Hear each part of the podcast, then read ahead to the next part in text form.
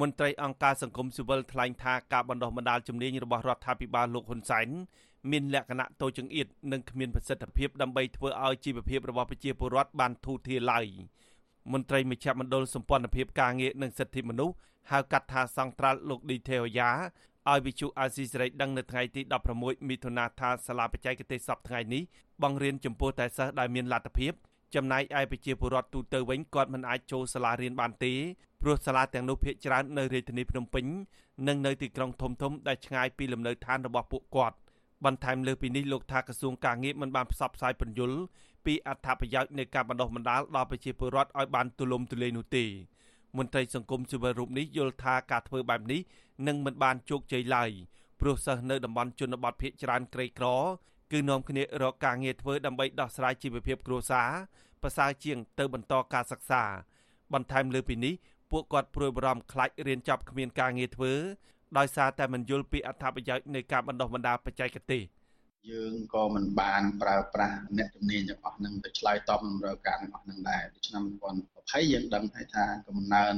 នៃកម្មករផ្នែកវិស័យសំណង់ហ្នឹងវាឈានទៅដល់ជាង20ម៉ឺននាក់អញ្ចឹងការលើកឡើងនោះវាអត់ឆ្លើយតបនឹងអ្វីដែលភាពជាក់ស្ដែងនៃកំពុងនឹងកើតឡើងក្នុងប្រទេស ខ្មែរហើយវាអត់ឆ្លើយតបចំពោះប្រសាសន៍របស់សម្ដេចកន្លងទៅដែលលោកថាហេតុផលដែលយកចិនមកធ្វើនេះដោយសារតែខ្មែរយើងអត់មានជំនាញអត់មានពលករជំនាញធ្វើផ្នែកវិស័យសំណង់ហ្នឹងអញ្ចឹងថ្ងៃនេះគាត់មានប្រសាសន៍ផ្សេងប៉ុន្តែថ្ងៃមុនគាត់មានប្រសាសន៍ផ្សេង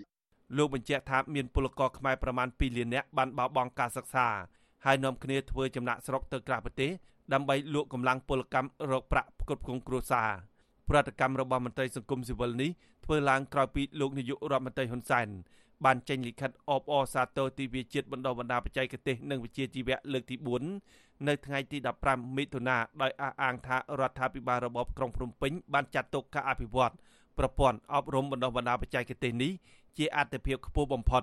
ហើយបានវិនិយោគលើវិស័យមួយនេះដើម្បីអភិវឌ្ឍប្រទេសឲ្យកាន់តែរីកចម្រើនជាមួយគ្នានេះរដ្ឋមន្ត្រីក្រសួងការងារបណ្ដុំបណ្ដាវិជ្ជាជីវៈលោកអ៊ិតសំហេងមានប្រសាសន៍នៅក្នុងទិវានោះថា បច្ចុប្បន្នកម្ពុជាមានសាលាបច្ចេកទេសនិងបណ្ដុំបណ្ដាវិជ្ជាជីវៈចំនួន25ស្ថាប័នហើយត្រូវបានទទួលស្គាល់គុណភាព ISO 9001ពីអង្គការស្តង់ដារអន្តរជាតិ ISO លោកបញ្ជាក់ថាកន្លងមកក្រសួងការងារបានចំណាយថវិកាជាច្រើន ដើម្បីអភិវឌ្ឍនៅក្នុងវិស័យនេះដើម្បីលើកកម្ពស់ជីវភាពពលរដ្ឋលោកបន្តថាក្រសួងបានបណ្ដុះបណ្ដាលសិស្សជាង20ម៉ឺននាក់រួចទៅហើយ ហើយក្រសួងក្រុងនឹងចំណាយថវិកា493លានដុល្លារសហរដ្ឋអាមេរិកនៅក្នុងរយៈពេល5ឆ្នាំ គឺពីឆ្នាំ2021ដល់ឆ្នាំ2025ខាងមុខនេះ។ ដោយផ្ដោតលើយុទ្ធសាស្ត្រចំនួន4គឺ1ការកសាងនិងកែលម្អហេដ្ឋារចនាសម្ព័ន្ធរូបវន្តរបស់គ្រឹះស្ថានអប់រំបណ្ដុះបណ្ដាលបច្ចេកទេសនិងវិជ្ជាជីវៈ2ការបំពាក់ឧបករណ៍បរិក្ខារនិងសម្ភារៈបណ្ដុះបណ្ដាល3ការពង្រឹងសមត្ថភាពដឹកនាំគ្រប់គ្រងមន្ត្រីជំនាញនិងគ្រូបច្ចេកទេសនិង4ការបង្កើនបរិមាណនិងគុណភាពជំនាញបច្ចេកទេសនិងវិជ្ជាជីវៈប្រកបដោយបរិយាបន្ន gender ទោះជាយ៉ាងណាប្រធានសមាគមប្រជាធិបតេយ្យឯករាជ្យនៃសេដ្ឋកិច្ចក្រៅប្រព័ន្ធលោកវ៉ុនពៅមានប្រសាសន៍ថាសាលាបច្ចេកទេសនៅកម្ពុជាមានលក្ខណៈតូចចង្អៀតមិនអាចបណ្ដុះបណ្ដាលប្រជាពលរដ្ឋឲ្យដើរទាន់ទីផ្សារការងារបានទេលើពីនេះលោកថាសិស្សមួយចំនួនដែលបានបណ្ដុះបណ្ដាលចប់ហើយចូលធ្វើការងារទទួលបានប្រាក់ខែតិចនិងមិនអាចប្រកួតប្រជែងទីផ្សារការងារពីបណ្ដាប្រទេសជិតខាងបានទេ យើងមើលថាសំបីតែបច្ចេកទេសមួយចំនួនហ្នឹងគឺយកមេការមេវិស្វករមកពីបរទេសដែរហ្នឹងហើយអញ្ចឹងវានៅមានកម្រិតទៅណា ភាគច្រើនបច្ចេកវិទ្យានៅស្រុកយើងយើងឃើញថាខ្មែរយើងមានធ្វើអីបានជាស្នាដៃហើយនៅផ្នែកបច្ចេកវិទ្យាឡានក៏យកពីគេម៉ូតូក៏យកពីគេគ្រាន់យកគ្រឿងមករៀបស្រុកយើងហ្នឹងអត់ទាន់មានអីធ្វើជាស្នាដៃមានដុំកំភួនណាណាក្រៅពីចម្លាក់ជាងឈើជាងអីខ្មែរយើងអត់ទាន់មានការធ្វើបច្ចេកវិទ្យាអេឡិចត្រូនិកអីដល់ខ្លួនឯងផ្ទាល់សំបីតែបដិបដាលការបង្កើនជំនាញផ្នែកបងប្អូនវិស័យកាត់ដេរហ្នឹងក៏ប្រាក់ខែនៅមានកម្រិត មន្ត្រីអង្គការសង្គមស៊ីវិលយល់ថាដើម្បីដោះស្រាយបញ្ហានេះរដ្ឋាភិបាលគួរតែពង្រីកសាលាបច្ចេកទេសឲ្យដល់ទីជនបទដើម្បីធ្វើយ៉ាងណាឲ្យប្រជាពលរដ្ឋដែលរៀនចប់អនុវិទ្យាល័យ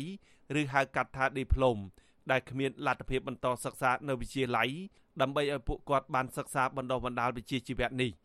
បន្ថែមលើពីនេះរដ្ឋាភិបាលត្រូវតែស្វែងរកការងារជូនពួកគាត់ឲ្យមានប្រាក់ខែសមរម្យនៅក្រៅពេលដែលពួកគាត់បញ្ចប់ការសិក្សា ខ្ញុំបាទហេងរស្មី អាស៊ីសេរីពីរដ្ឋធានី Washington